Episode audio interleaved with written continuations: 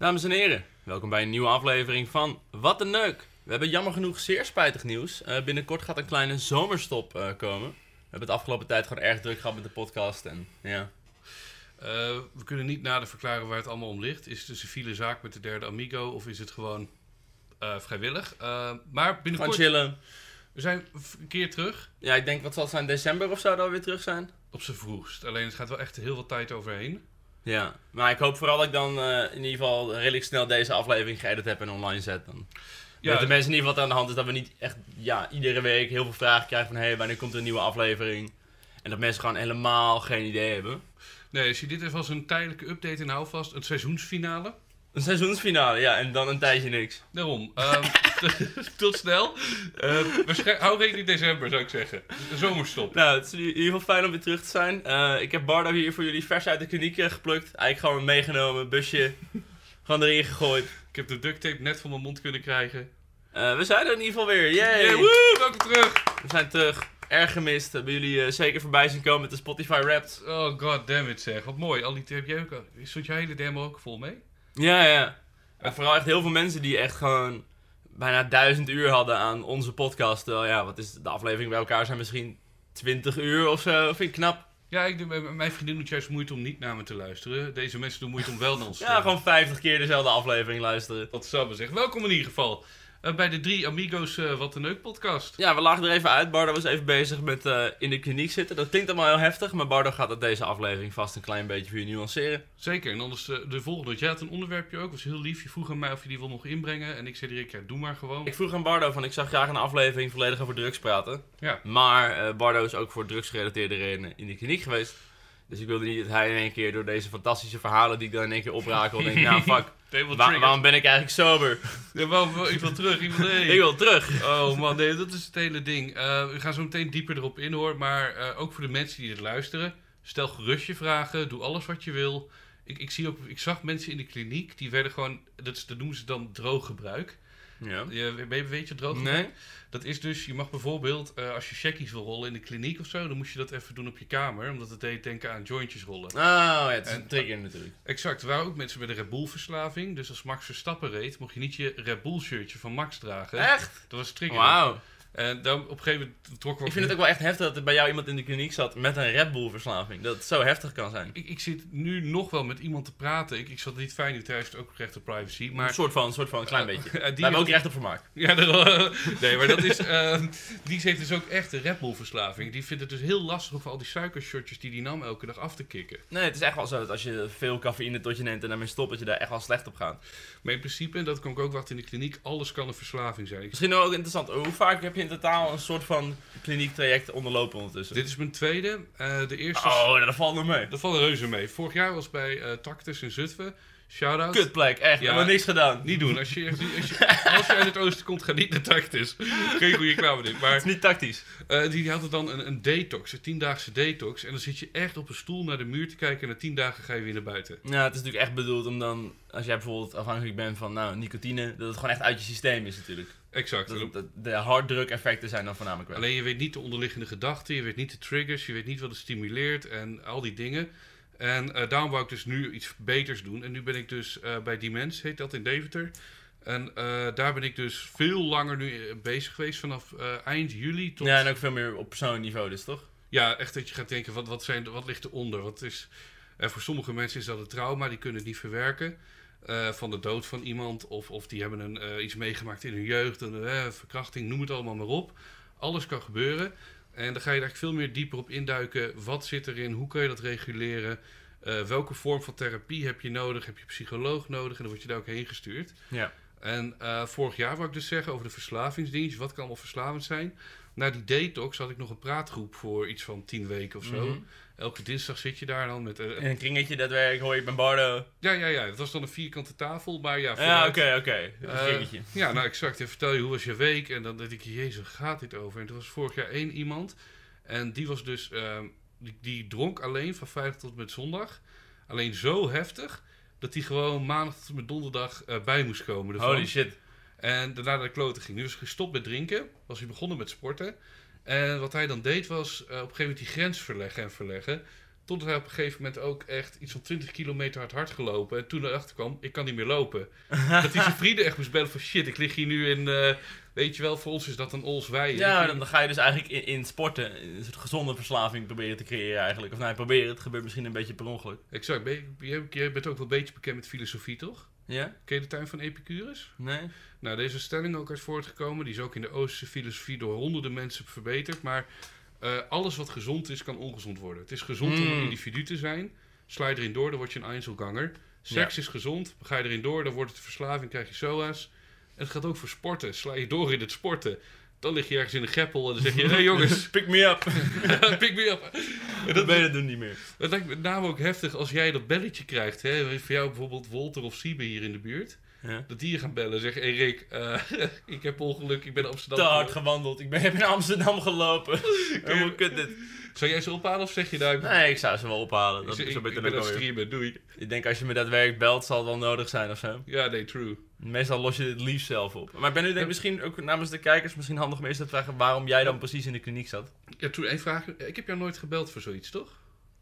Eh, nee? Nee, oké. Heb je wel andere mensen gebeld? Sta ik gewoon laag op je bellijst? Of...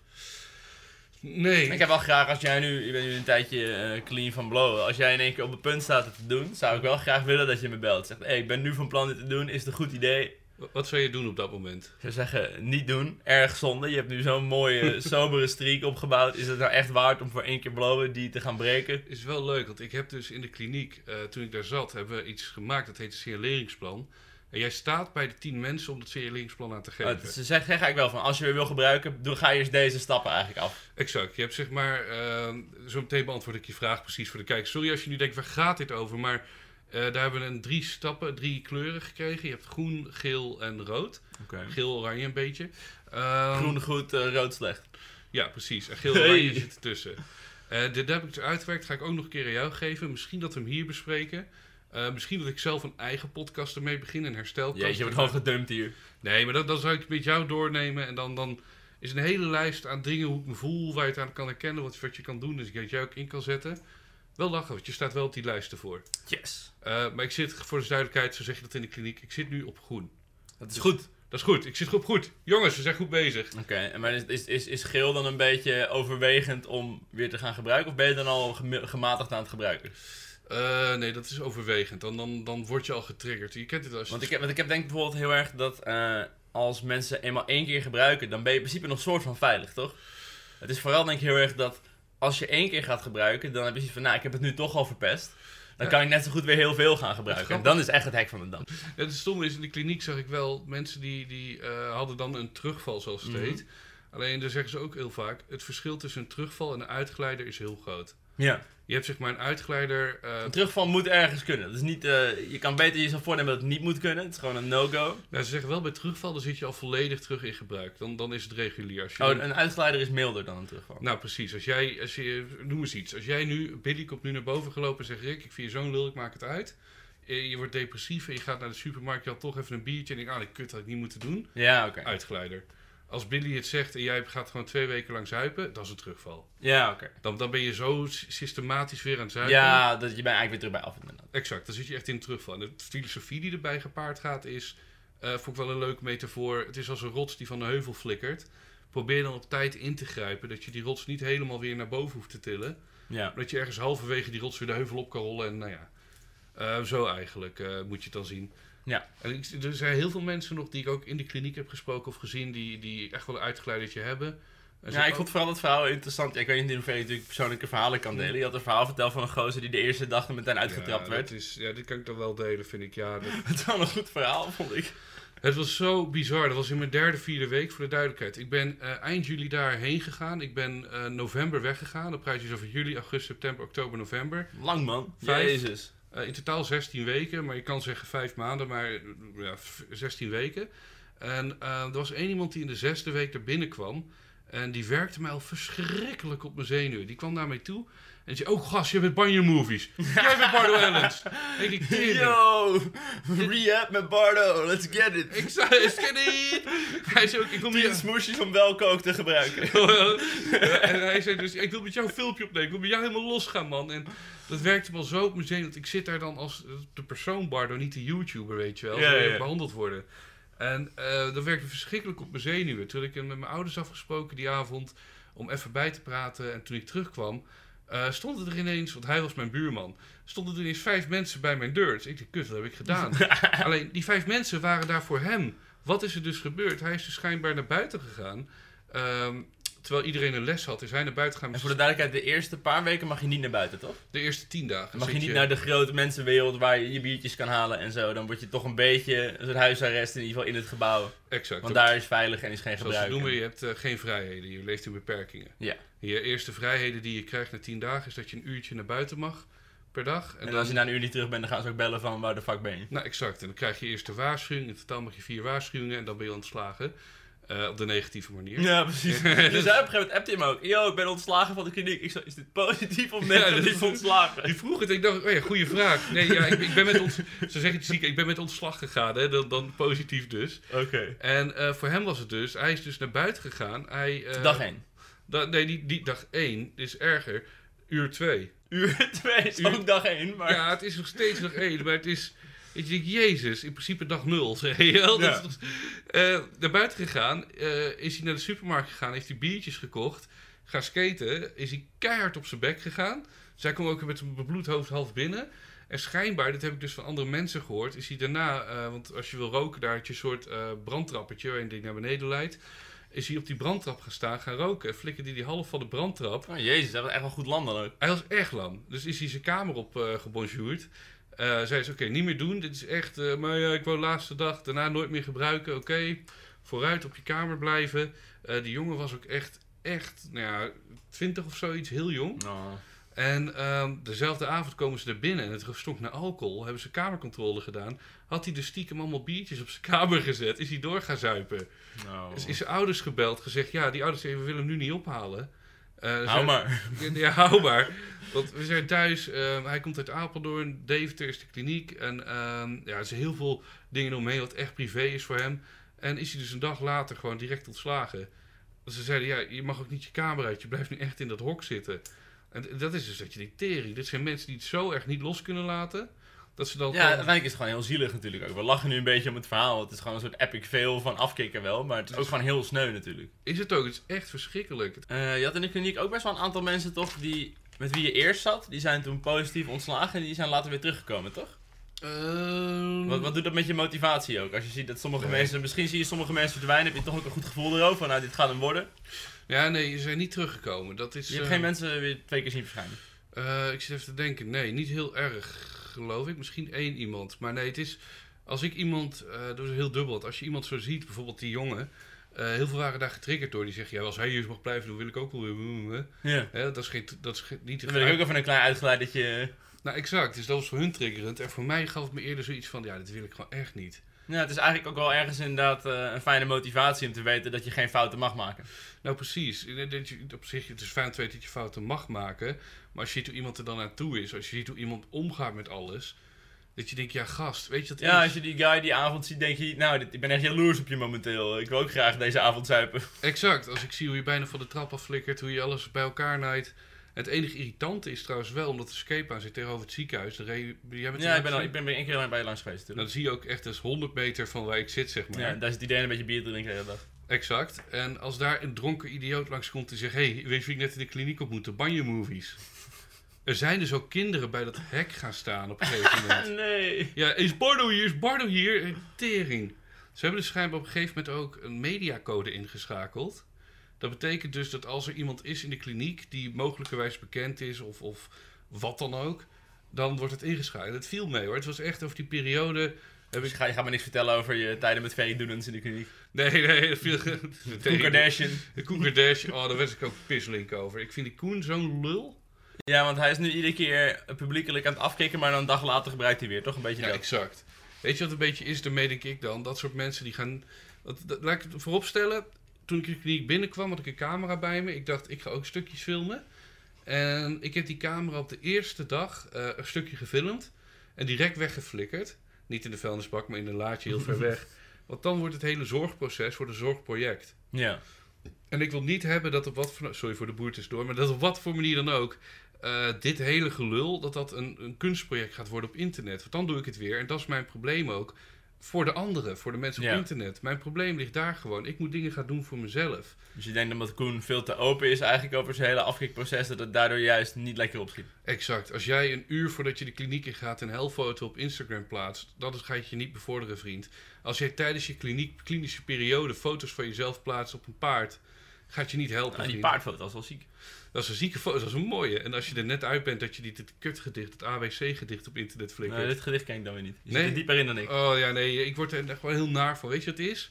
Mensen als Koen Kardashian, Ferry Doedens, Gordon, als die een kliniek ingaan, ehm, als hun hun deur open doen in de ochtend en ze struikelen, dan vallen ze in een zwembad.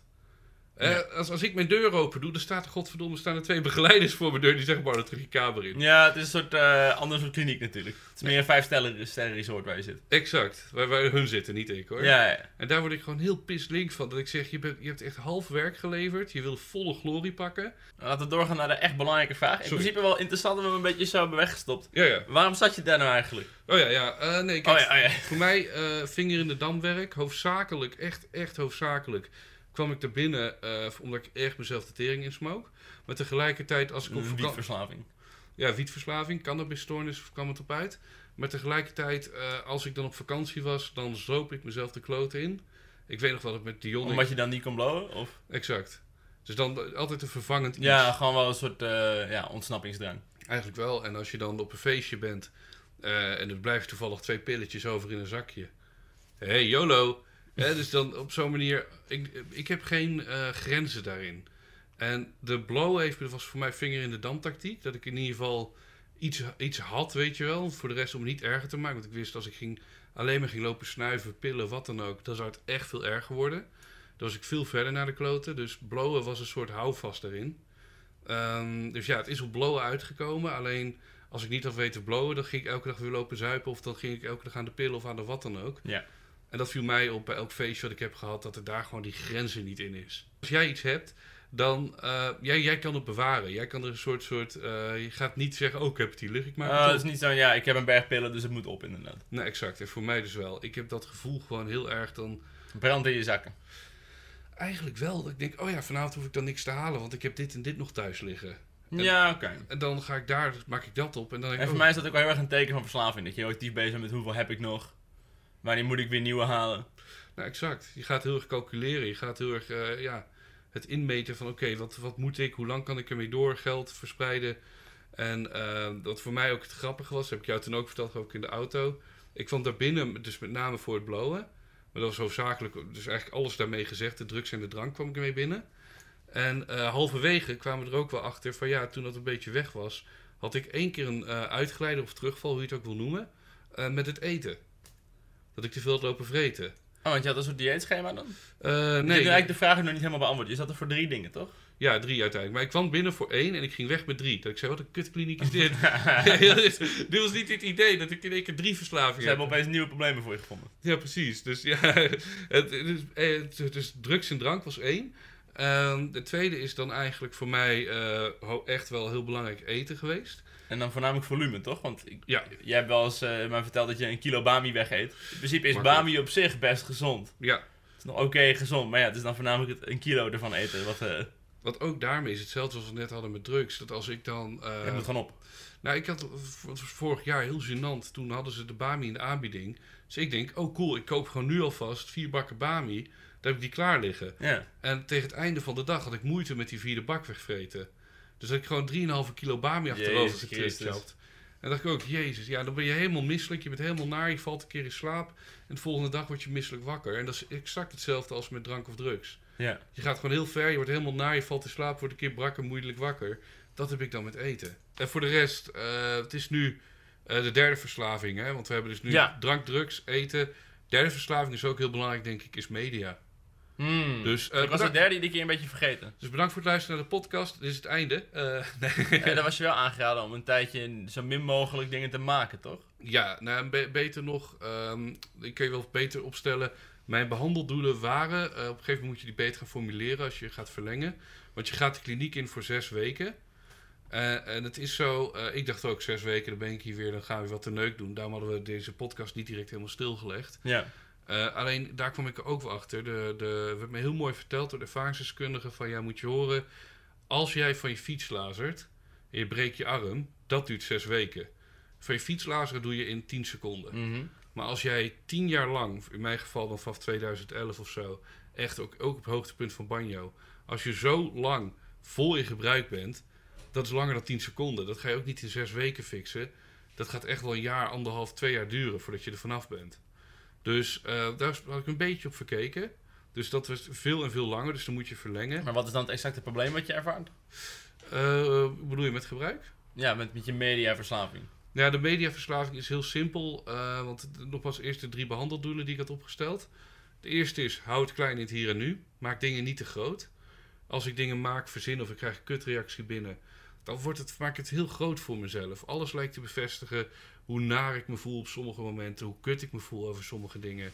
Eh, en als je vervolgens denkt, nou, ik, ik, ik wil me blij worden... is mijn vaste terugval... Ik doe dat terugval. Maar dan val ik direct weer terug, dan doe ik het weer... op eh banjo-movies maken. Dat was hetgeen wat mij vroeger altijd blij maakte. Alleen als ik dat dan doe en ik zet het online... en ik zie dat ik vroeger 300.000 kijkers had... nu zijn het er 3000. En van die 3000 zijn nog een paar eh, honderd reacties die zeggen... eh 90 zijn positief, 10 zeggen ik vond hem vroeger leuker. Eentje zegt, jezus was hij ver afgegleden. Dan blijft dat heel erg hangen. Ja, ja, ja. En eigenlijk elke keer weer als ik iets maak, is een soort trekken aan een fruitautomaat en hopen dat die bar, bar, bar er komt. Mm. En als dat er is, wat, wat gaat het me dan opleveren? Ik weet niet wat het me zou opleveren direct. Ehm, dus het is een soort, ja, echte terugval val op de media. Maar het is niet zozeer een soort aandachtsverslaving of zo. Nee, aandacht heb ik juist weer liever niet. Ik zat een, ik mo- moest eigenlijk meteen een beetje, toen je het had over een mediaverslaving, denken aan eh, de ophef van afgelopen week over Ali B met Max Verstappen. Hm. Het idee van dat je bij de Formule 1 bent, laatste rondje, dat je dan besluit, ik moet nu mezelf gaan filmen, want de wereld heeft mijn reactie hierop nodig. En Nee. Max Verstappen die heeft mijn freestyle rap nodig, die echt heel cringe is. Nee, ik heb, eh, nee, ik heb Max wel gezien. Ik heb ook niks over getweet of gedaan. Nee. Ik heb die docu gezien ooit van Stevo, toen hij echt heel diep in zijn drugsgebruik Ja. zat. En toen op een gegeven moment ging je met een soort klein vlogcameraatje gaat de hele dag filmen. Mhm. Omdat hij het idee had dat alles wat hij deed dusdanig interessant was dat het gefilmd diende te worden. en ik herkende dat een heel klein beetje zo van in mezelf. Dat ik ook soms denk van ja, wat ben je nou aan het doen? Moet je nou altijd live gaan als je je avondeten naar binnen aan het werken bent in plaats van zeggen, yo jongens, ik ben een uurtje later. Dat herken ik wel heel erg hoor. Dat je inderdaad wel. Moet je soms misschien meer de rem tegen zeggen, yo dit is gewoon niet interessant, ik deel dit gewoon lekker niet. Alleen ik maakte de vertaalslag voor mezelf erin dat ik dacht. In plaats van die camera telkens oppakken, kan ik misschien beter gewoon de telefoon oppakken. En misschien jou dan bellen. Hey, jij, moet Billy bellen. hey, moet, ik ben aan het eten. Ja, of, of ik moet Davy opbellen. Of, of misschien Dennis, mijn ouders. Want die mensen, aan hun moet, met hun moet je delen. Je moet het niet delen zoals wij nu bij de microfoon zitten om een podcast op te Maar ik denk in nemen. principe dat heel veel mensen dat misschien hebben vandaag gedacht, toch? Eh, is het eh, probleem van onze generatie dat wij heel graag alles delen wat we doen. Natuurlijk. Als je het niet op Instagram hebt gezet, is het niet gebeurd natuurlijk. Dat is het ding ook. Je moet het ook delen. Alleen niet op internet. En dat, Ja. is, dat is denk ik de, de vertaalslag. En het is niet gek. Ik doe 15 jaar. Jij doet nu 10 jaar dit. Dat wij allebei die foute af, afslag nemen. Ja, het is bijna de automatische piloot. Ik doe iets, ik deel het. Natuurlijk. En voor mij is het niet aandacht. Voor mij, ik denk ook niet voor jou per se aandacht. Nou, oeh. Ik denk, voor mij zou het meer in de hoek van erkenning zitten of zo. Dat ik dan toch liever iets maak. Want als ik een filmpje zou maken en ik zet hem niet online, kan ik er gewoon trots op zijn. En als, ik, dan wil ik hem wel online zetten om die erkenning te krijgen. Om te voelen van, hé, hey, dit is wel heel goed hè jongens. Nee, ik vind het leukste aan een video maken eigenlijk het proces waar ik hem upload en dan de reacties lees eigenlijk. Ja, is de erkenning krijgen. Ja, Ja, dat is niet dat is leuker dan het maakproces. Natuurlijk, erkenning is heerlijk. Dat ga ik ook niet ontkennen. Dat is, alleen dat is anders dan, dan de aandacht. Ik denk niet dat jij met een piemelpak over straat gaat lopen omdat je gezien wil worden. Nee, dat is waar. Ik kan aandacht nog wel maximaliseren als ik wil. Ik kan lijpere shit gaan doen enkel met het doel aandacht te krijgen. Waarschijnlijk wel negatief, maar... Nou, exact. Dan heb je liever gewoon de erkenning dat mensen naar je stream kijken en denken: yo, wat die Rick vandaag allemaal streamt, dat vind ik pas dope. Dat, dat lijkt mij betere erkenning voor jou en voor mij ook. eh. Ja. En dat is dus een beetje ja, mediagelul. En ik denk gewoon bevestiging vinden bij jezelf. En ook, dat ik me op een gegeven moment de vraag gesteld, dat is dus een van de behandeldealen die ik net wil opnoemen. Het klein houden het hier en nu was het, emoties herkennen, erkennen en uiten. En het derde behandeldoel is kunst maken voor jezelf. Mm. Want wat nou als alles wegvalt? Wat ga ik dan maken? Wat wil ik, wat wil ik doen wat voor mij de kern is? Ja, waar haal je vooral zelf wat uit? Nou, precies. Zonder afhankelijk te zijn van of iemand zegt leuke video, ja of nee. Exact. Want als ik nu iets maak, dan ga ik direct denken: wat vindt eh, Jan Willem uit Waalwijk ervan? Ga- gaat hij wel eens thuis zitten en zeggen: ach, wat leuk wat hij heeft gedaan? Ja. En dat is godverdomme niet de kern. De Nee, kern- je moet het maken omdat je het zelf leuk vindt natuurlijk. Maar dat dus, dat je meer voor jezelf. En je vroeg er net ook, ja, daarna, ik lul heel veel nu, sorry. Kan. Maar je vroeg er net ook over, ehm, hoe heet dat, eh, Twitch wat ik laatst weer deed. Ja, ik zag dat je weer een keer live was geweest, ja. Nou, exact. Het is heel riskant. Eh, gezien media is dus een van de dingen waarvan ik niet zeker weet hoe of wat die verslaving in elkaar steekt. Ja. Eh, enige voorwaarde die ik heb gezet en gezegd, en heb ik ook heel duidelijk gemaakt. Ik ga geen tijden afspreken. Ik ga live als ik live wil. Als ik zoiets heb, hey, lijkt me lachen om live te gaan, ga ik live. En voor de rest, nee. En deze podcast die ik nu met jou hier opneem. Nou, dat is ook een uitzondering dan, toch? Je doet momenteel nog niet zoveel. Eh, nee, ja, ik doe helemaal niks. Toen ik je laatst in de kliniek zag, zei ik van... Yo, eh, ik wil je best helpen met jouw video's maken. Als je een cameraman nodig hebt of zo, dan zou ik het best willen doen. Maar je wilde toen eigenlijk zelf liever niet voor de camera. Nee, voor mij niet per se. Want dat is wel eh, toevallig. Ik heb hier een lijstje staan met dingen die we doornemen. Ik, ik was dus de baardfoto met Rick.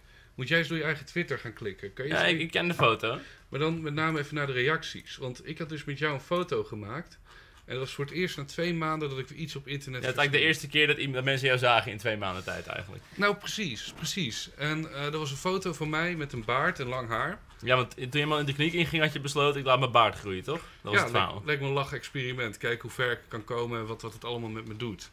En ehm, toen ben ik met jou één keer gaan rijden over de Veluwe. Je had me bezocht toen ik daar zat. En terwijl we dat deden, hadden we dus een fotootje gemaakt. Die hadden we op internet geflikkerd. En ik zou je eerlijk zeggen, Rick, je bent wel onderwerp van discussie geweest daarin. Dat ik wel zoiets had bij mezelf van, hmm, hoe zit het nou? Hoezo? Nou ja, eh, die reacties deden toch wel meer met me dan ik dacht. Ik Ja? zeg, ehm, ik ga even lezen. Bardo met baard, wow, baardje wel hoor. Oké, dat zijn leuke. Dat is Bardo? Ja, Bardo. Wat Bardo Ellens nauwelijks te herkennen zegt. Dat voelt, ik interpreteer dit gewoon heel erg negatief. Ja. Eh, Bardo ziet er fucking sexy uit. Wat is er met hem gebeurd?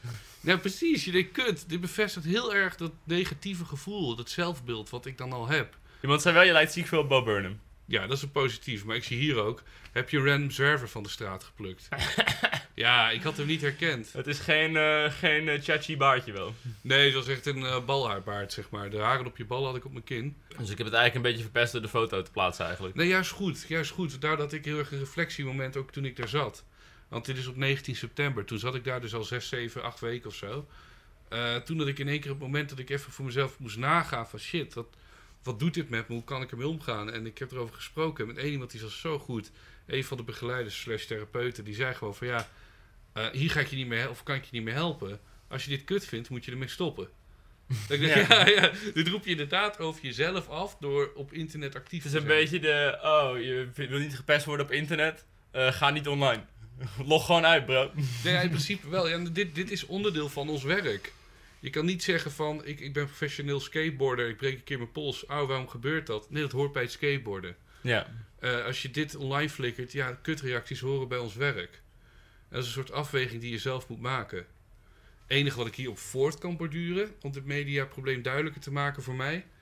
Eh, waarom ik de baard ook uiteindelijk af heb gehaald en het eh, lange haar ook. Nou, er- je gezicht ziet er nu wel lekker uit. Nou, dat vind ik dus ook. Eh, en dat is Dus het viel me wel meteen op dat je inderdaad voor mijn gevoel groter was. Ja, toen ik je Oh, tegenkwam was je denk net even een beetje onderaan je, je gewichten. Ja, ik ben inderdaad wel de Dus onderkin is, toen ik weg was is de Bami er een beetje ingegaan. in principe wel, ja. Die is er toen behoorlijk bijgeknald. Dat viel me wel op, maar je gezicht ziet er wel echt heel gezond uit. Thanks, man. Misschien is het ook deels te stoppen met blowen of zo. Ja, helder uit je ogen gaat uh, Ja. kijken. Ik ben wel heel vermoeid nog. Dat slaap is nog wel een ding. Maar eh, het hele ding met de baard, om dat te verduidelijken. ehm, dat is gewoon kut. Als je langs de spiegel loopt, je ziet jezelf met een baard en lang haar. Die reacties van jouw Twitter. Dat gaat een soort drukken op je in een negatieve zin. En dan denk ik bij mezelf toch wel van... Nou, eh, waarvoor heb ik die baard nog? Ik vind het zelf niet mooi. Mensen vinden het niet mooi. Nee, het was toen ook een beetje een projectje, toch? Je zei, ik ga hem eraf halen als ik wegga. Het is een beetje een projectje, maar aan de andere kant, als ik echt heel diep en eerlijk ben, is het ook het idee van: ik kom de kliniek uit, ik ga wat opnemen. Dan zie je die lange haren, die baard. Dan heb je ook het gevoel van: wow, Bardo heeft iets meegemaakt. Ja. En dacht ik: dit doe ik dus niet voor mezelf. Als- Nee, precies. Ik als- kan net zeggen. Je bent het weer voor iemand anders aan het doen. Exact. En je loopt langs de spiegel en je vindt het kut. Het ironische is: ik had die baard eraf geschoren. En eh, vlak daarna, eh, sorry als ik heel veel lul trouwens hoor, maar vlak daarna eh, liep ik dus langs de spiegel en dacht ik: ja, ik laat die snor gewoon staan. Vond ik grappig. Alleen vervolgens liep ik een week langs de spiegel en met die snor. En dacht ik, ja, ik vind het eigenlijk ook heel lelijk. Ik vind het alleen grappig. Ik doe het alleen om mensen te laten lachen. Waarom doe ik dit? Dus heb ik die snor eraf gehaald. En toen voelde ik me al veel beter. Toen dacht ik, ja, waarom zet ik er niet door? Haren er even afgeknipt. Zie er een stuk frisser uit. Ziet er wel fresh uit, ja. Ja, dan voel je je ook mooier. Dan ga je er ook meer naar leven. Eh, in plaats van die neerwaartse spiraal via de media. Dat je alleen maar dingen doet voor anderen. Oké. Eh, ja, op erkenning of op wat dan ook. Dit is nog een soort mystieke wolk hoor. Dat ik niet precies Ja. kan zeggen waar het aan ligt. Nou, we hebben nu een, re- een redelijk concreet idee van wat je daar gedaan hebt, denk ik. Ja. Van waarom je daar zat. Nu willen we gewoon grappige verhalen. Heb je nog wat... eh, De thee, de thee. de thee, willen de thee. Wat, zijn de interessante dingen die je daar hebt meegemaakt? Ja, er zijn zoveel bizarre dingen gebeurd. Kijk, ik weet bijvoorbeeld... ehm, Er zat ook een alarm daar, toch? zeker, ze liepen daar rond met een eh, knopje. Jullie om- zaten ook dicht bij een psychische afdeling. Nou, niet? het is zo dat wij zaten daar... eh, de, de eerste wat ik deed was verslavingszorg. En dit was verslaving psychiatrie. Dus daar ga je er veel dieper op in. Wat zit eronder? Ja. Eh, vooropgesteld, ehm, wat ik zelf heel leuk vond, dan kom ik zo bij het alarm, was eh, de diagnostiek. Je gaat diagnostiek in en dan ga je kijken wat speelt er nou echt. Dus dan gewoon praten met een psycholoog? Eh, ja, dan ga je dus kijken, ehm, wat, wat heb jij? Is het autisme, PDD-NOS, borderline of wat dan ook? En dan heb je echt allemaal testen. Ik heb echt twintig vragenlijsten moeten doen. eh, vijf gesprekken van twee uur. eh, met, zo, met iemand over je jeugd, over je leven, over wat er speelt. En eh, op een gegeven moment hoor je dan de uitslag daarvan. En dan zit je daar aan tafel. Ik heb je toen ook al verteld, maar dat is zo bizar. Het was een soort spelshow. Dat ze Zo, zeggen- Bardo, we zijn hier met de resultaten. Ik heb hier een gouden envelop. Nee, ja, bijna wel. Ze zegt, we hebben je getest op autisme.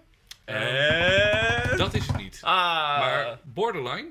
Oeh. ook niet. Ah. En eh, we hebben ook gekeken natuurlijk voor... Homoseksualiteit. Ja, oeh, dat is het. Hey! Nee.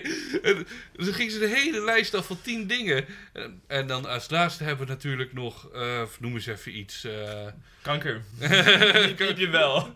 nee, we- betalen aandoeningen dan zeg maar. Ehm, en dat was dus ook allemaal niet.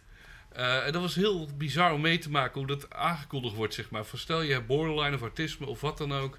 Nou, dat wordt dan dus echt op zo'n manier... eh persoonlijkheidsstoornis kan ook, je bipolair.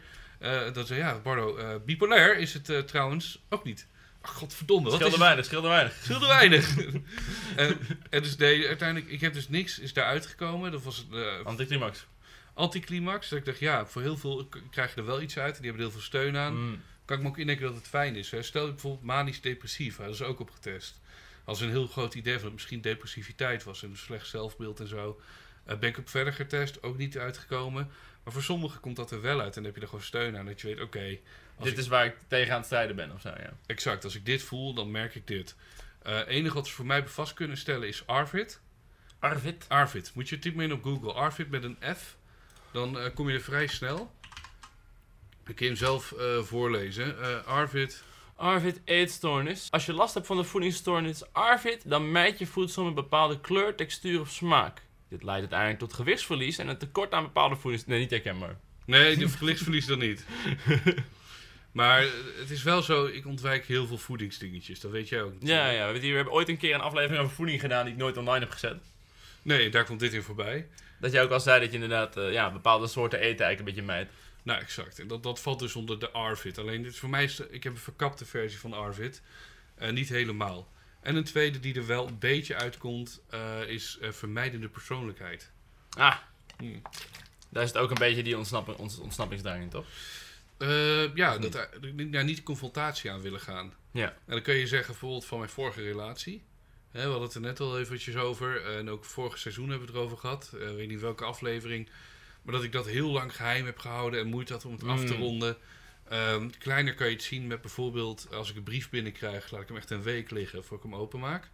Dat ik denk, oh, daar heb ik helemaal geen zin in. Eh, ik had het ook vandaag toen ik naar jou toe ging, een kleine versie. Dat ik eh, in de trein zat en dacht, ja, tering, eh, ik ben te laat.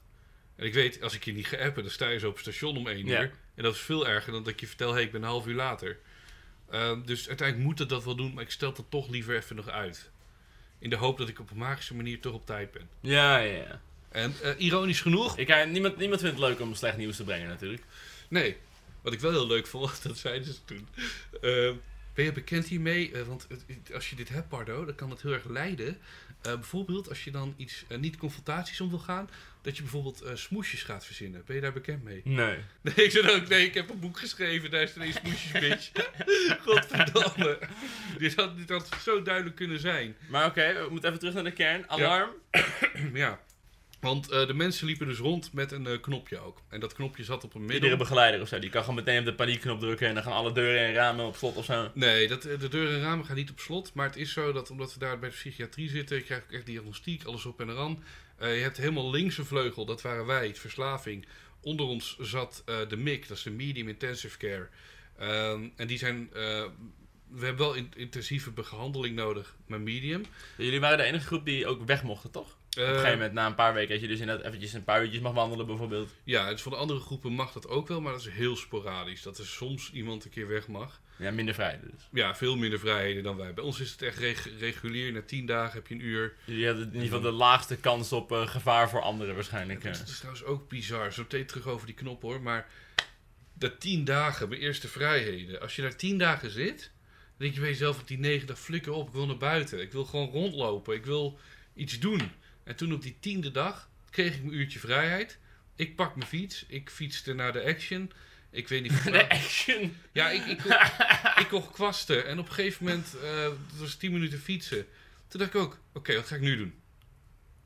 Ik had geen kut om te doen. Ja. Ik dacht, nou, lekker, dan heb ik mijn vrijheden. Ik heb echt helemaal niks wat ik wil doen. Ik dacht ook, ja, ik wil wel kwasten hebben om te verven in de kliniek.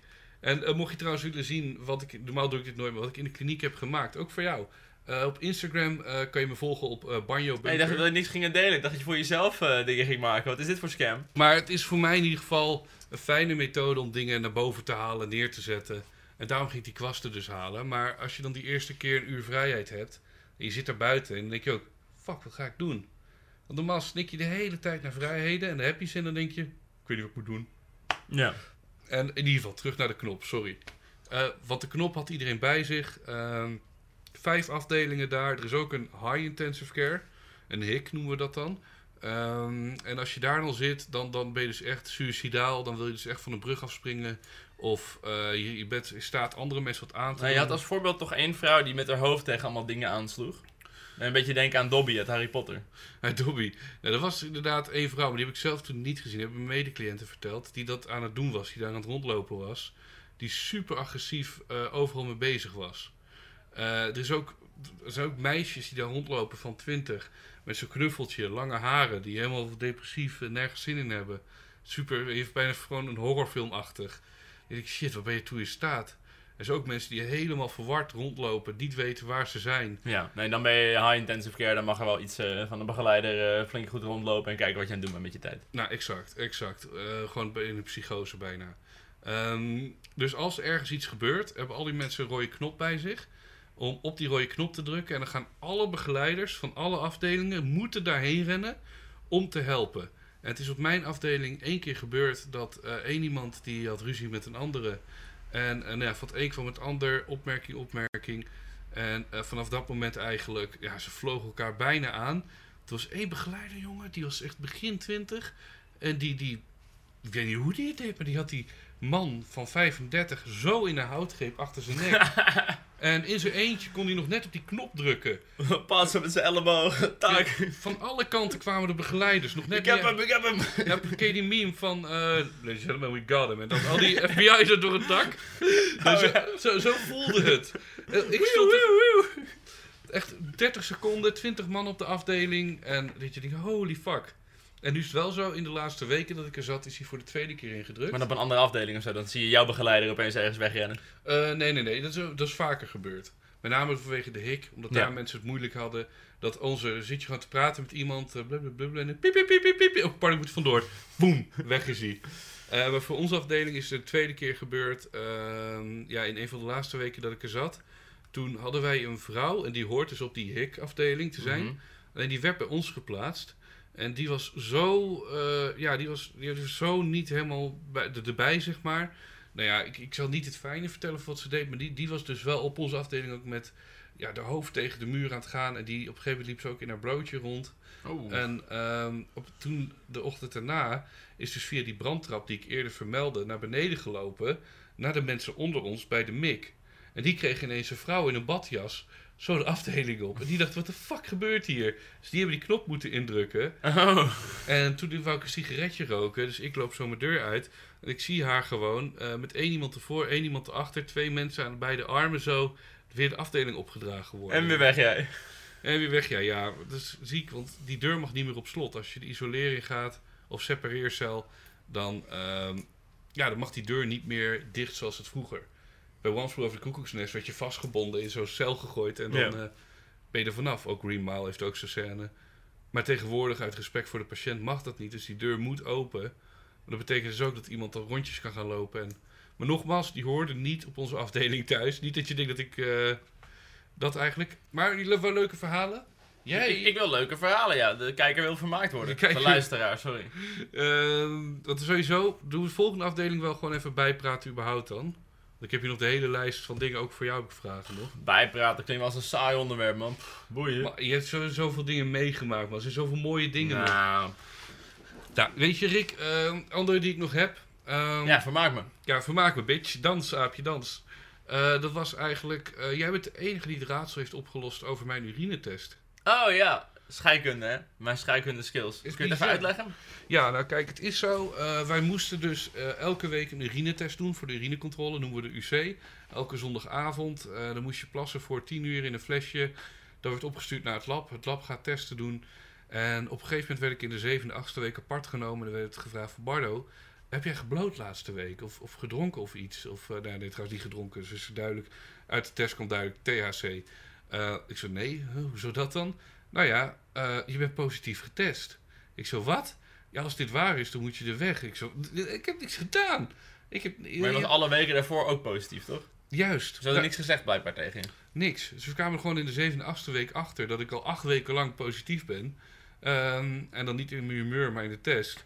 En dat was what the fuck. En op een gegeven moment de negende week ook.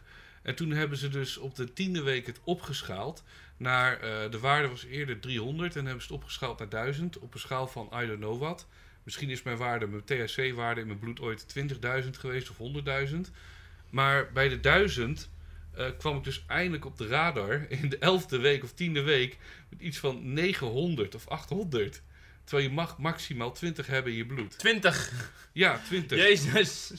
En eh, tegen de tijd dat ik wegging, in de 14e, 15e week, eh, toen ben ik weggegaan met eh 20, 30 in mijn bloed. Oh, oké. Dus toen ging het van 900 echt heel hard naar beneden. Dus even de vraag eh, voor de duidelijkheid. Wat was nou het mysterie? Eh, is Bardo aan het liegen?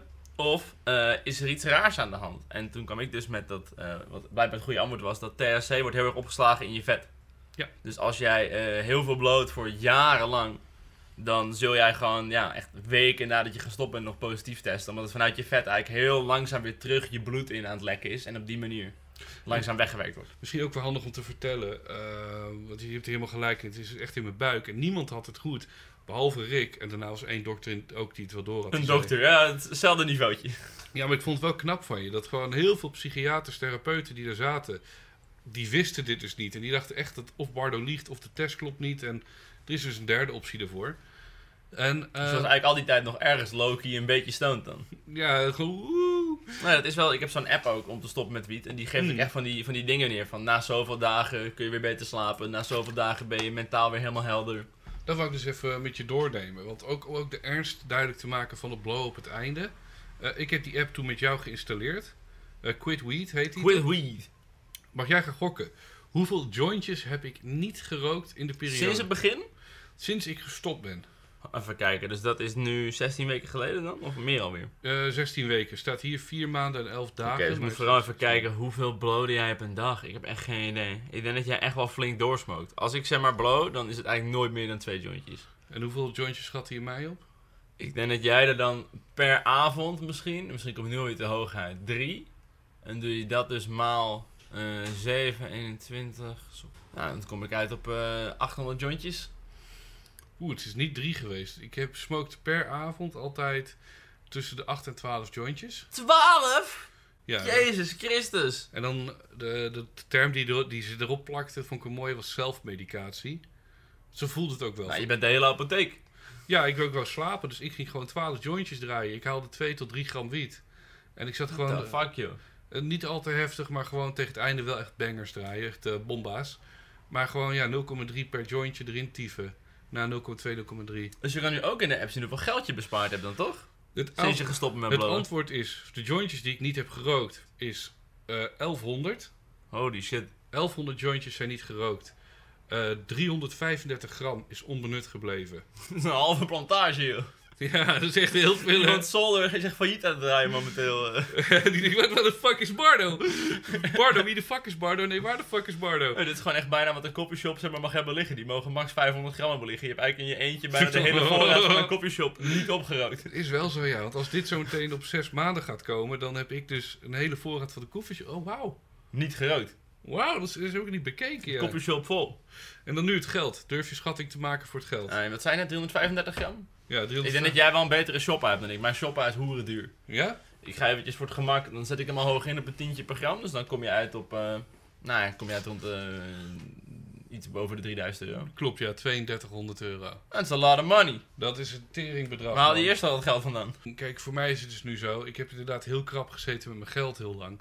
En nu de blow eruit is, ehm, moet Maar ik... dat is het per maand echt gewoon 1000 euro per maand geweest ongeveer, blowen. Ja, waarvan je zou zeggen, dit bespaar je nu. Hè? Dat is, eh, maar Ja. dat is dus niet het geval. Eh om twee redenen. Allereerst het eten. Want het is zeg maar zo, je moet het verslaving ook zien als een boom waar je uitklimt. Ik heb de tak van het blowen losgelaten. En vervolgens zit ik nu vast op de tak van het eten. Maar je gaat niet denk ik meer geld uitgeven aan eten, toch? Of? Nou ja, kwaliteit niet, kwantitatief wel. Dus kwantitatief, dan, dan ha- ik, ik merk aan mezelf, ik haal meer eten. Zoals gisteren had ik een pan macaroni gemaakt. Dacht, hé, daar kan ik twee, drie dagen mee vooruit. Vreet ik toch weer op. Godverdomme, is weer 10 euro weg. En zo ga je dan veel meer geld wegflikkeren. Maar de tweede, en dit vind ik wel echt een ding om echt aan te halen hier. Sorry voor alle rechtse rakkers, ik wil geen linkskutje zijn, maar Maar, de zorg.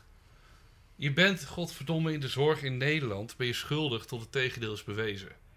Ja. Het is niet zoals bij de politie. Je bent onschuldig tot het tegendeel is bewezen. Je bent per definitie schuldig. Wat ik nu moet doen is ehm, duidelijk vanuit de kliniek niet werken. Je moet een eh, herstelprogramma volgen, zoals ik in Zwolle doe, die deeltijd. En ehm, dat is erop ge- gedoeld om die druk te verlagen. Niet het gevoel van falen te hebben, zodat je later altijd weer verder kan. Ja, maar het is dus wel belangrijk dat deze podcast geen winstoogmerk heeft. Exact. Dit is We gaan nu niet praten over onze nieuwe sponsor NordVPN. Met. NordVPN kun je surfen veilig, goed, snel. Vanuit een ander land. Groetjes vanuit Hawaii. nou ja, kijk, eh, weet je, voor ons, eh, voor mij, zo verkoop ik dit ook. Het is oprecht eh, therapeutisch en sociaal dit. Lekker Ja. met jou lullen.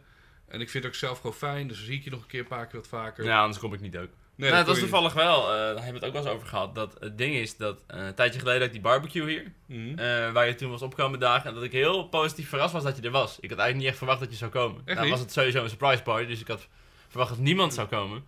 Maar van jou vond ik het extra tof of zo dat je er was. Omdat eigenlijk altijd als we elkaar zien, zijn we tussen aanhalingstekens aan het werk of zo.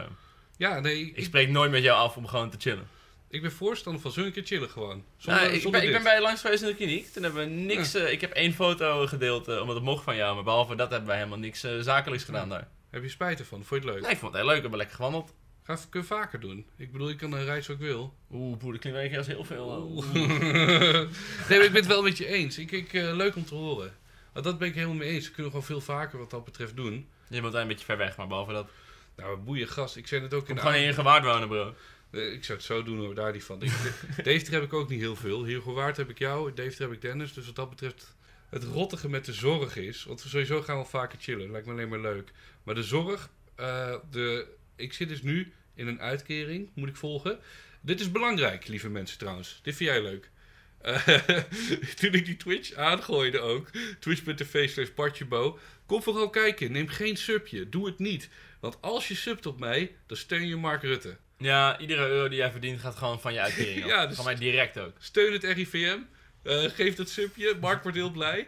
en het is echt dat je denkt, het is logisch en zo hoort het ook. Ehm, alleen het rottige is voor mij, als bedrijf zijnde, mijn kosten lopen door. Alle inkomsten die ik heb gaan van mijn uitkering af. En ik mag dus eigenlijk helemaal niks verdienen. Ik kan nergens heen. Mijn schulden lopen op.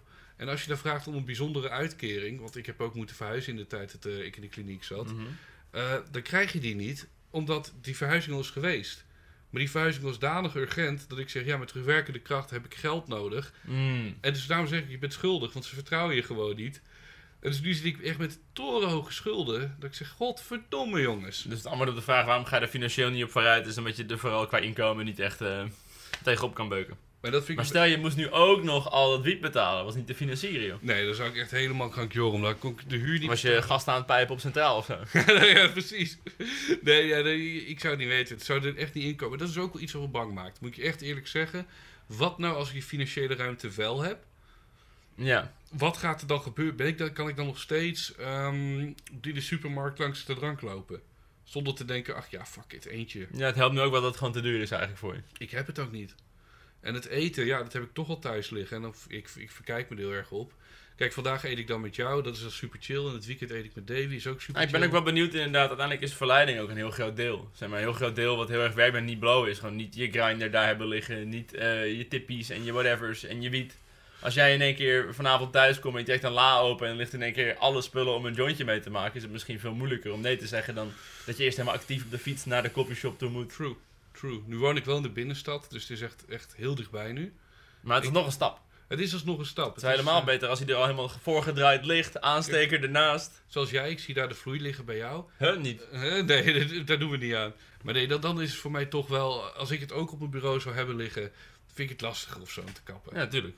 Eh, dus het is er allemaal Nee, wat je zegt, geen Max Verstappen shirtje met het Red Bull logo erop. Ja, nee, precies. Nee, het punt is meer voor andere mensen werkt het triggerend. Want dan word je altijd een Max Verstappen herinnerd. En als, jij, als ik een foto van Snoop Dogg op mijn kamer heb... dan denk ik niet eens, oh ja, blowen, blowen.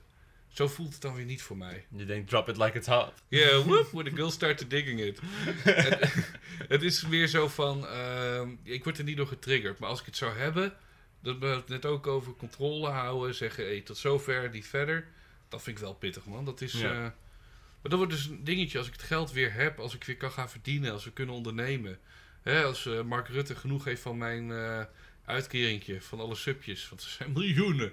Ja. Dan, dan wordt de vraag van, ja, wat, wat, hoe ga ik er dan mee om? En ik Nee, dus eigenlijk blijft toch de boodschap dat mensen je niet financieel moeten steunen. Dus je moet ook eigenlijk al die dingen niet kijken. ja, ik zou zeggen, doe het vooral ja, nu niet. Spaar je geld lekker op. Over een paar maanden van harte. Want ik, ik bouw alleen maar schulden op. En dat is het kutterige. ja, dat is wel maar ruk. Want het is zeg maar zo, als, je, als ik geen geld heb zoals nu... en ik zak verder weg in de schulden... dat is heel veel stress, negatief. Ja. een uitvlucht zoeken. Dat is niet positief. En als ik heel veel geld heb... Hè, als ik jouw bedrijfje ga nu naar een BV toe... als ik dat ga hebben... dat zou ik ook nog niet weten. Maar ik heb liever dat. eh, te veel geld Ja, problemen niet te dan veel te en te weinig. weinig. Ja, want hoe het nu is, dat is echt... Ik bouw per maand, denk ik nu, eh, nu ik de zorg volg... eh, zo'n 300, 400 euro aan schulden. Ai. Dus dat is echt, ik denk, godverdomme. Ja. En wat leuk is, eh, de reiskosten worden niet vergoed. Dus je bent weer zwart eh, hierheen gereden. Nee, nee, nee. Niet eens. Ik heb dus nu wel gewoon een abonnement ook gedaan. Die, die valt in die 300, 400 euro. Ah, oké. Maar dat is toch bizar? Dat als ik vanuit Deventer heb ik zorg nodig in Zwolle. Dan moet ik dus elke dag naar Zwolle gaan reizen. Bro, OV moet sowieso gewoon gratis worden, niet zo janken overheid. Ja, dat is waar. nee, maar het, het punt is... NS eh, niet meer privatiseren was een kut idee. Nee, dat is, eh, was vroeger altijd gratis. Dan Het was, nou, nee, nee, het was niet gratis, maar NS was van de overheid. Dus ja, dan kun je nog... Nu is het een beetje als je naar de Albert Heijn gaat en zegt, yo, verlaag je prijzen. Ja. Ja, niet jouw winkel, vriend. oh ja, oh ja. Heb is niet mijn winkelvriend. je nog eh, andere lijpe shit eh, meegemaakt? Even denken. Nou, met name de cliënten. Dat is heel leuk juist om met hun te praten en dingen mee te maken. Om, eh, volgens mij heb je dat toen ook verteld. Dat was één guy. die durf ik wel bij naam te noemen, maar ik weet dat hij het niet erg vindt. Thijs. Thijs. Thijs, shout-out naar jou Thijs. Die had ik dus ook verteld van die positieve test. Ik zei het als eerst tegen hem toen ik niet zeker wist waar het vandaan kwam. Dus zei ik hou het gewoon even voor je, want ik weet het ook niet hè, wat er allemaal aan de hand is. En eh, toen kwam er een medecliënt naar buiten om te roken. En eh, op een gegeven moment Thijs kijkt maar en zegt... Bardo heeft gebloot! ik weet Thijs, dat heb ik niet gedaan! Godverdomme! dus moet je uitleggen dat je wel positief getest bent. en Nee, dan gaat Thijs is niet te vertrouwen. Thijs is niet te vertrouwen. De lul, de klojo. dus eh, ja, nee, dat is echt... eh, je maakt zoveel kleine, kleine gekke dingen daarmee. En eh, ja, ik zit te denken, wat heb je nog meer? Voor gekke, bizarre verhalen. Want godverdomme, ik heb echt ehm, de hele twee dagboeken volgeschreven erover. Heb jij anders concrete vragen? Misschien kan ik dan makkelijker naar een leuk verhaal Concrete komen. vragen. Ehm, Ik was voor de rest... Zijn er nou nog meer mensen die halverwege het traject toch eruit getrapt zijn dan? Want je had een soort van strijksysteem, toch? Als jij te Ja. vaak eh, te laat thuis komt, of inderdaad positief test op een gegeven moment. Ja. Stel, eh ze testen je ook op heroïne en opeens in week 5 sprint hij opeens wel naar Mm. positief, dan Word je eruit getiefd, ja. gewoon meteen? Eh, nee, ik kreeg wel waarschuwingen. Ik weet, eh, op de dag dat ik wegging, eh, was er toevallig iemand en die was nu voor de tweede of derde keer positief getest. Dus die werd er ook uitgegooid. dat is niet de bedoeling. Nee, dat was ook heel zielig, want hij wou heel graag ervan af en het lukte hem gewoon niet. En dat, dat is, ja, dat is het rottig, want je vroeg naar grappige dingen. Dat vind ik dan meer heel Ja, maar zielig. dit is natuurlijk, sommige mensen hebben denk ik misschien een beetje het idee dat als je daar zit, dan gaat het allemaal gewoon een beetje vanzelf of zo. Ja, dan, bij, bij Tactus, waar ik vorig jaar dus zat, daar wel. Want dan zit je gewoon op je luie reet naar de muur te kijken. Ja, je mag gewoon niks, dus je kan ook geen heroïne doen. Exact.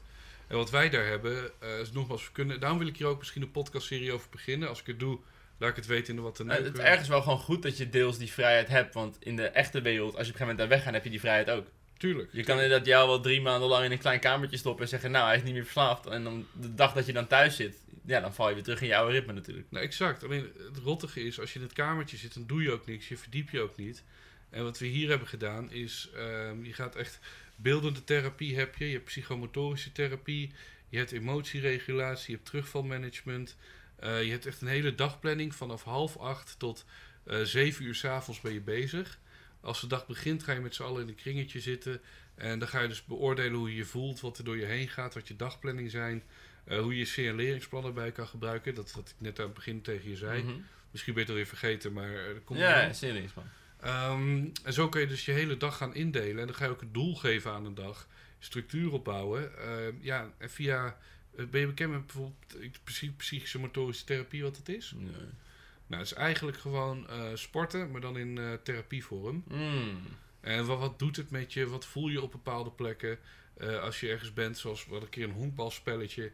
Nou, ik betrapte mezelf erop dat ik het verschrikkelijk vond om die bal weg te werken. Dat was niet met een knuppel, maar die moest je gewoon even die bal weggooien. Mhm.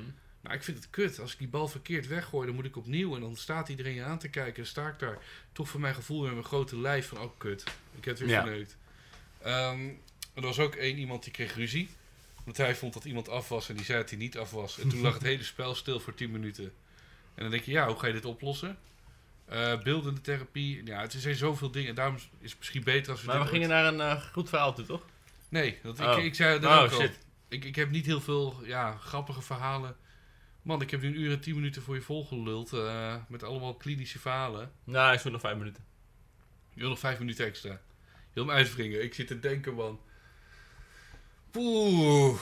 Is er niet een keer eh, iemand ingebroken in een van de kamers of zo? Nou, nee, het is wel zo. Dat is wel leuk dat je het vraagt. Kijk, daar een vraag kan ik wat mee. Want dat is ehm, met die Thijs bijvoorbeeld. Had ik op een gegeven moment verzonnen. Eh, er was iemand in de kliniek en die wil heel graag walnootjes eten bij zo'n bijt. En ik verveelde me altijd, dus ik pakte altijd één walnootje mee. En als ik dan ging roken, eh, liep ik langs zijn kamer. Dan flikkerde ik altijd één zo'n walnoot naar binnen. En dan lag hij op zijn bed en dan ligt er één zo'n walnoot. Ik tering op, man. En dan vervolgens moest ik weer roken, pak ik weer een walnoot, gooi ik weer een walnoot. Omdat die hele kamer van op een gegeven moment bezaaid was met een stuk of twintig walnoten over de grond. en hij had ook echt van, flikker, ik wil die walnoten hier niet hebben. En eh, toen dat gebeurde, ging hij op een gegeven moment bij mij op de kamer random op objecten neerleggen. Dus dat begon met een bezem. En toen kwam er een schaaltje bij. Toen kwam er een klein zwarte pietje bij. En op een gegeven moment, zijn kamer lag vol met walnootjes. En mijn kamer... Dus ik had ook luiers ergens vandaan getrokken. Oh ja. En toen was er een nieuwe vrouw in de kliniek. En die dacht, haha, ik ga ook meedoen. Die had Op een allemaal, gegeven moment zijn we gewoon allemaal troep op elkaars kamer aan het stoppen. Totdat we op een gegeven moment bij haar... eh dat is echt heel knap gedaan. Hadden we fiets heel snel opgetild. Zo'n renfiets. en die zo neergezet. dus ik Oh, dit het tering. Een dag later hadden we nog ook favorietje. ehm, Zo'n eh, buitenparasol die je uit moet klappen. Eh, haar kamer in gedaan, uitgeklapt. Over allemaal kasten, zodat je die niet weg kon krijgen. En weet je wat zij deed? Niks. Ze was gewoon in slaap gevallen onder die parasol. ja, ik zou ook gewoon een tijdje laten staan, denk ik. Ja, maar toen, kwam de begeleiding binnen en die zei... Wat de fuck is dit nou? Waarom staat hier een parasol? ja, ik had geen zin om hem weg te halen. Maar het ding is dus wel, jouw kamer kan niet op slot. Ehm, jawel, maar we hebben gewoon een sleutel. Ah, oké. Dit doen we trouwens ook, denk Maar ik. het klinkt nu alsof iedereen gewoon op iedereen's kamer kan of zo. Maar de meesten hebben een deur gewoon los overdag of zo. Ik wel. Ik was de enige die mijn deur altijd open had. Ook, ook als je een fapje aan het leggen bent daar of zo. Eh, nee, dat niet. Dan Nee, nee, even los de deur op slot. Nee, de, de deur deed ik niet op slot. Ik had hem eh, maar echt open open. Ja, oké. Niemand had zijn deur echt op slot. eh, maar ik was de enige die de deur echt open open had. Behalve bij het vapje. Behalve bij het vapje dat die even dicht is. Als Bardo vatte, dan wist je dat ook perfect. Dat is trouwens ook wel gemakkelijk hoor. Als we die kamers komen controleren. Dat deed ze altijd tussen 11 en 12. Dan is het een, he- een hele grompe zaai met walnoten en fapdoekjes. Van- Ja, no Nut November zeggen ze nog tegen je. Ik heb één keer gehad dat ik lekker op mijn bedje lag, weet je wel. Gewoon mijn hand, leuter in mijn hand, even lekker niks doen. Ik was oprecht YouTube aan het kijken, hè. Niet, niet... En dan hoor je die deur open gaan. Ik, tyfus, sorry. en dan dacht ik, terwijl ik dat doe, ja, dan ziet zij natuurlijk alleen die hand daar weggaan. Ik, ja, kut, sorry. Wat zal zij wel niet denken nu van mij? Dus ik je nou aan het fappen op de nieuwe Stuk TV jachtseizoen the fuck? Is- zo, zo erg fan van stuk tv zijn we ook niet, maar vooruit. Nee, ik, weet, ik ben het laatste verhaaltje dan, want dit is een van mijn favorieten. Ehm, dit is oprecht een hele mooie. Eh, even goed nadenken, want hoe ga ik dit goed vertellen met iedereen anoniem te houden? Er is iemand in de kliniek geweest, een meisje, en die zat altijd te zeiken over mijn kamer, dat sorteringbende was. Ja. Klopt ook. Want ik legde allemaal spullen op bed. En als Zij hoeft er niet te slapen. Nee, exact. Dus wat doe je nou? En omdat mijn deur altijd open stond als enige, kon iedereen altijd mijn kamer in kijken. Zij zei, ja, ligt allemaal verf en weet ik veel wat. En ja, ik ben gewoon lekker aan het schilderen. Laat me, rot, rot op, man. En eh, toen kwam dus de eh, begeleiding ermee met de oplossing. Ze gingen elke vrijdag, voordat je je vrijheden kreeg in het weekend, met verlof mocht. Want dat is de derde stap. Je zit opgesloten, je krijgt een uur verlof. En daarna mag je in het weekend volledig met verlof. Eh, maar je moet wel in de kliniek slapen. Eh, voordat je dus met die verlof mocht, eh, gingen hun de kamers controleren. Wat betekent dat? Ze komen de kamer binnen, kijken of er een rommel is. En vervolgens gaan ze weer weg. En toen zei ik ook al direct: Dit is gewoon godverdomme de Bardo-regel. je zag ook die begeleiding zo. Ja, in principe wel, ja. Dat is gewoon een regel zodat jij ging opruimen. Eigenlijk wel. En wat nou zo'n controle was en het was niet opgeruimd? Eh, dan moest je opruimen totdat die kamer schoon is, anders mag je niet weg. Maar ja, Wat eh, een arbeid. Wat een arbeid, laat me met rust. Dus de Bardo-regel, de kliniek. En nu was ik toevallig voor afgelopen week daar nog om met oud medecliënten te praten. Hoe, hoe is het daar? En eh, de Bardo-regel is afgeschaft zodra ik Ah. Ah. Ze hebben gewoon al die kamers lopen controleren voor de periode dat ik er was. Ah, wat goed. In de hoop dat het dan een beetje opgeruimd was. Vuile, vieze, vuile, vuile. Oké, nou ik vind het een hele mooie aflevering. Zo hoop ik hebben we iets geleerd over Bardo. Het gaat nu semi goed met hem. Hij moet alleen minder bami eten de komende tijd. Ja, ik, eh, zou ik dat gewoon hier eh, aanhalen een paar keer? Eh, laten we zeggen één keer om de twee, drie afleveringen. Moet je vertellen wat je progressie is. Ja, als je, als je intussen tijd gebloot hebt, worden we echt heel verdrietig. Ja, dat mag niet. Dat, die nemen we gewoon al voor lief dat dat niet gebeurt. Ja. We beginnen dus dit hele gezamenlijk op 130,5 kilo. Ja. Volgende week zijn we terug met het onderwerp drugs. Waar we heel positief gaan praten over drugs. En gaan kijken of we Bardo kunnen verleiden om toch weer te gaan gebruiken. Woo! Let's get it going. ja, kijk of de zorgverzekering een tweede opname gaat vergoeden. Let's go, baby boy! En eh, tot die tijd zeggen wij nog steeds... eh, wat de neuk? Wat een neuk. Ik dacht, wat sa- samen. Oh, eh, dan zeggen we tot die tijd. Wat de neuk. Nou, doei. Doei. En eh, klik op volgen op Spotify. Yo, yo. Dag.